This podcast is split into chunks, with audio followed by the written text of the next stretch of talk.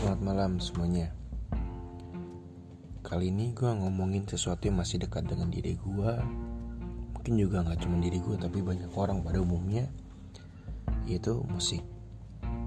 Gue ngerasa hampir semua manusia di dunia ini Pasti hidupnya pernah bersinggungan dengan musik. Entah cuma mendengarkan Atau terlibat langsung di dalamnya musik kan gak cuma sekedar lagu doang tapi bunyi-bunyian dan segala macam nah mungkin gue bercerita tentang musik bagi gue dan pengalaman gue tentang musik. Gue mungkin dari bukan dari keluarga musisi yang suka main musik dan segala macam tapi yang sejauh gue bisa mengingat sejak gue kecil bokap nyokap itu selalu memberikan lagu-lagu buat gue dan di gue juga lagu anak-anak gitu. Jadi dari kecil gue udah hidup dengan lagu-lagunya Joshua lagu-lagunya Trio Kwek Kwek lagu-lagunya Cindy Senora lagu-lagunya ya pokoknya itulah rombongan artis zaman itu gue dengerin semua. Nah selain itu yang diperdengarkan khusus untuk gue dan adik gue juga lagu-lagu anak-anak lainnya gue juga mendengar secara nggak langsung lagu-lagu uh, tembang kenangan kalau gue bilang. Lagu-lagu tembang kenangan lagu-lagu lawas yang bokap gue sering dengerin nyokap gue juga untuk khususnya mereka mungkin ya. Itu kayak penyanyinya kalau gue inget-inget seperti Dori Marantika, Dewi Yul, terus Bob Tutupoli, oh, pokoknya angkatan-angkatan tua-tua gitu. Selain penyanyi solo, bokap gue, bokap gue juga suka banget uh, Plus, terus juga Iwan Fals. Jadi lagu-lagu yang kayak gitu yang gue dengerin. Jadi dari waktu kecil gue dengerin dua tipe lagu, lagu anak-anak dan lagu-lagu rombongan itu tuh. Nah, ini kenangan yang luar biasa sih buat gue jadi mungkin pada waktu gue beranjak SD SMP gue nggak banyak dengerin lagu-lagu band dan segala macamnya. Tapi ketika ada orang tua nyanyi lagu-lagu yang tua juga gue sebagai anak kecil bisa ikutan gitu. Itu keunikan aja sih buat gue terus uh, beberapa musik yang gue dengerin cukup banyak ketika gue SD itu musik Indonesia seperti lagu-lagunya Ceylon Seven lagu-lagunya Dewa 19 itu sih yang paling banyak tuh dua itu yang menurut gue mewarnai hidup gue uh, Ceylon Seven karena memang mudah dimengerti juga lagunya enak nggak ribet kata-katanya. Sementara Dewa 19 ini secara nggak langsung gue tercekoki. Karena waktu gue sekolah itu gue kan naik jemputan nah di jemputan ini hampir tiap hari. Di setelahnya lagu Dewa 19 jadi umur kelas 3 kelas 4 SD kalau nggak salah sih pokoknya lagu Dewa itu gue nyanyiin terus gitu kan. Lagu Dewa macamnya cemburu uh, roman pecisan. Dari kecil-kecil dari SD tuh gue udah dengerin. Jadi lagu-lagu seperti itu. Selain itu juga gue kadang-kadang kalau datang ke rumah tante gue didengerinnya padi. Kok padi kan agak sulit dimengerti ya jadi ya udahlah gitu. Tapi yang gue tahu dulu adalah ada lagunya Padi yang dipakai buat salah satu di album Piala Dunia 2002 lupa bahasa Inggris lah gitu. Even kalau nggak salah judulnya. Nah tapi selain lagu-lagu Indonesia gue juga dengerin lagu luar. Itu juga karena om tante gue juga yang dengerin itu di rumah jarang sih. Tuh kayak boy band boy band gitulah. Dan band-band ya pokoknya ada boy band ada band ada gitu yang mungkin dari dulu kecil tuh gue dengar ada uh, Hansen kalau nggak salah. Yulia Embab. Nah itu tuh gue dengar banget. Terus yang keluar lagi adalah lagu-lagunya Michael Lester Rock. Terus boyband macam Boyzone kayaknya. Boyzone, Boys to Men, NSYNC, Westlife, Backstreet Boys. Itu gue dengerin juga tuh. Lagu boyband Eropa gitu terus mulai tahun 2000-an itu gue juga dengan lagu-lagunya Serina jadi oh Westlife. Nah Westlife salah satu yang gue ikutin banget. Apalagi waktu ya gue nggak sempet nggak sempet sampai nonton konsernya dia pernah konser. Dan duet dengan Serina di satu lagu yang sampai sekarang gue ingat adalah I Have a Dream. Pengalaman lagu-lagu seperti itu. Masih gue kayak kisaran itu terus gue juga suka dengerin radio radio. Itu lama dengerin musiknya juga.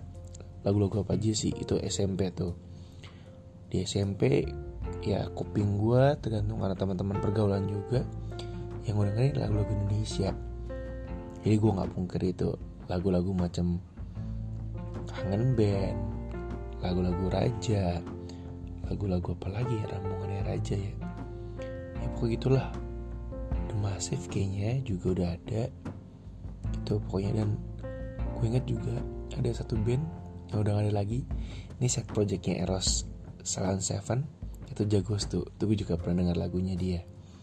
Jadi kurang lebih seperti itu lagu-lagu yang gue dengerin sepanjang dari kecil sampai SMP nah mulai masuk SMA ini gue masuk asrama di situ banyak teman-teman yang gila wawasan musiknya sih luar biasa banget.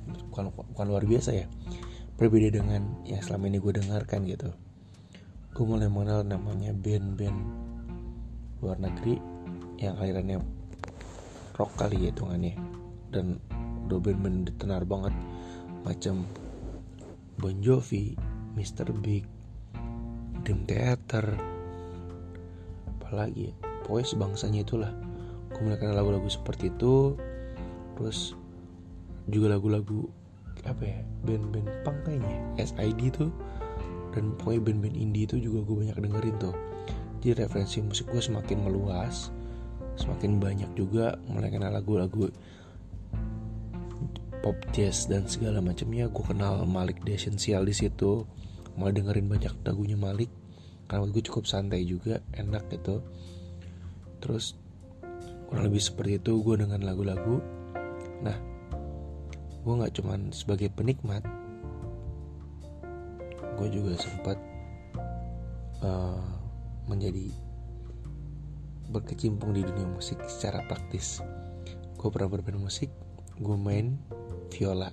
Jadi di asrama gue tuh ada kewajiban untuk bisa bermain musik alat musik untuk orkes. Gue waktu ngeliat tuh gue ngeliat yang gue liat keren adalah double bass atau kontrabas kita bisa dengar sering dengar wah ini keren banget. Tapi nggak sembarang orang. Minimal badannya besar untuk bisa untuk bisa megang alat itu. Terus bisa baca not juga. Nah gue benar-benar buta banget main musik. Nah waktu SD SMP sih pernah mainnya pianika gitu ya. Di SMP juga pernah main gitar. Itu juga terpaksa karena pengambilan nilai. Gue belajar hampir tiap hari. Selama dua minggu sebelum mulai nilai cuma belajar tiga kunci. Lagunya ungu gue lupa lagunya apa judulnya tapi setiap sore tuh gue bawa gitar pakai snack sepeda ke perumahan sebelah ke kompleks sebelah yang teman gue buat latihan. Habis selesai latihan udah gue nggak pernah ikutan lagi. Jadi gue belum belajar, baru belajar musik not baca not angka dan not angka sorry not balok dan segala macamnya itu di SMA gue dapet biola gue paling bodoh mungkin di angkatan gue gue nggak bisa main sebenarnya ya akhirnya pas konser lagunya agak pop gue bisa bukan pop lah ya lagu-lagu orkes gitu uh, notasinya nggak ribet-ribet banget nggak seribet kalau gue latihan karena gue latihannya lagu klasik. Itu sangat wah gila sih gue pusing sih. Gue nggak memang kayaknya nggak punya bakat gitu. Jadi gue menjalani aja apa adanya. Itu pengalaman gue nyanyi pun gue nggak bisa gitu. Nyanyi gue kacau balau makanya kalau dulu ada tugas-tugas untuk nyanyi gue nggak. Jarang. Kok nggak mepet banget gue jarang bertugas. Itu sih kurang, kurang lebih pengalaman musik gue sampai gue uh, kuliah. Terus mulai ikut tuh namanya paduan suara paduan suara konteks orang tuh ikut paduan suara biasanya kalau bisa nyanyi gabung ke paduan suara biar apa ya ya udah gue udah bisa nyanyi nih wadahnya. Nah kalau gue ini berbeda. Gue ikut paduan suara biar gue bisa nyanyi. Dan kebetulan beberapa kali ikut paduan suara selalu terima karena emang kurang orang terus jadi gue mau ngomong gue kan bass suara gue agak bass. Jadi gue masuk situ mungkin cuma ada dua orang doang tiga orang akhirnya gue belajar sama mereka. Dan orang-orang yang gue jadi yang gue bergabung ini cukup pro juga pro banget sih menurut gue gue belajar dari mereka banyak. Meskipun kalau sekarang soal nyanyi lagi nggak bisa mungkin gue masih fals-fals juga. Gue ikut di beberapa pada saat itu gue ikut beberapa paduan suara uh, di jurusan. Terus ada kegiatan uh, organisasi di kampus juga di pastorannya gue ikut di rumah juga gitu. Jadi beberapa paduan suara gue ikuti itu untuk latihan bernyanyi sebenarnya bukan karena udah jago nyanyi. Ya. Dan sekali waktu gue cukup bangga pas kalinya gue ikut ada lomba juga. Lomba paduan suara di kampus membawa nama fakultas.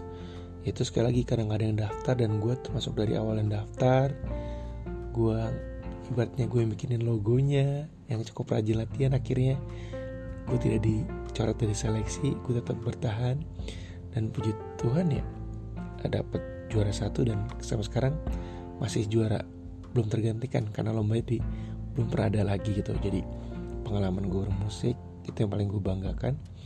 Selain itu ya memang kalau menurut gue kayak gue susah deh hidup gue nggak denger musik gitu. Jadi karena ya dari kecil udah dibiasakan dengar musik dan itu mewarnai banget hidup gue kadang waktu senang dengan musik jadi wah mood boosternya wah jadi lebih semangat. Kadang-kadang gue mencari lagi perlu marah-marah teriak-teriak emosi. Daripada gue melakukan hal yang negatif mending karaokean teriak-teriak di karaokean selesai.